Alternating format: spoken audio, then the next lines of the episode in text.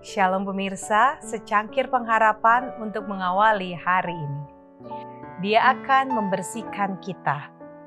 Aku akan mencurahkan kepadamu air jernih yang akan mentahirkan kamu dari segala kenajisanmu dan dari semua berhala-berhalamu.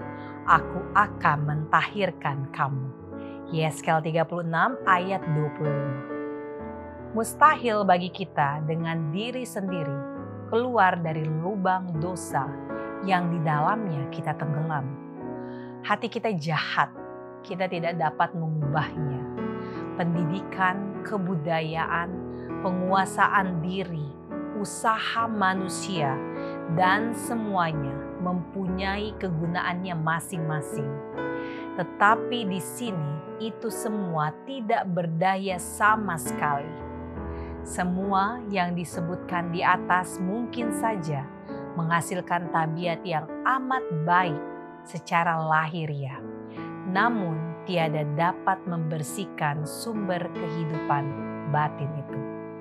Haruslah ada di dalamnya satu kuasa yang bekerja dari dalam, satu kehidupan baru dari atas, sebelum manusia dapat diubahkan dari dosa kepada kekudusan.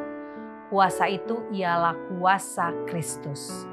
Hanya anugerahnya saja yang dapat menghidupkan segala kuasa jiwa yang tiada berdaya itu. Menariknya kepada Allah, kepada kekudusan. Tidaklah cukup hanya sekedar mengerti kelembutan kasih Allah, melihat sifat kemurahannya dan kelembutan seorang Bapa tidak cukup hanya dengan mengenal hikmat dan keadilan hukumnya, melihat bahwa hukum itu didasarkan atas prinsip kasih yang abadi. Rasul Paulus melihat semuanya ini ketika dia berseru, Aku menyetujui bahwa hukum Taurat itu baik. Bahkan ditambahkannya di dalam jeritan jiwa yang pedih dan dengan rasa putus asa tetapi aku bersifat daging, terjual, dan dibawa kuasa dosa. Dia merindukan kesucian, kebenaran, ke dalam mana dia sendiri tidak berdaya memperolehnya. Lalu berseru-seru, Aku manusia celaka, siapakah yang akan melepaskan aku dari tubuh maut ini? Jeritan yang demikian keluar dari bibir orang-orang yang dibebani dosanya di segenap penjuru dunia pada sepanjang abad. Untuk menjawab semuanya ini hanya satu jawab, yakni lihatlah anak domba Allah yang mengangkut dosa isi dunia.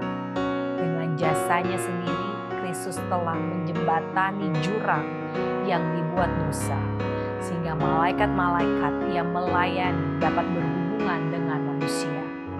Kristus menghubungkan manusia yang sudah jatuh ke dalam dosa itu dan di dalam kelemahan dan keadaan tiada daya itu dengan sumber kuasa yang tiada batasnya. Kebagian sejati halaman 18 sampai 21. Demikianlah renungan kita hari ini. Selalu mulai harimu dengan secangkir pengharapan.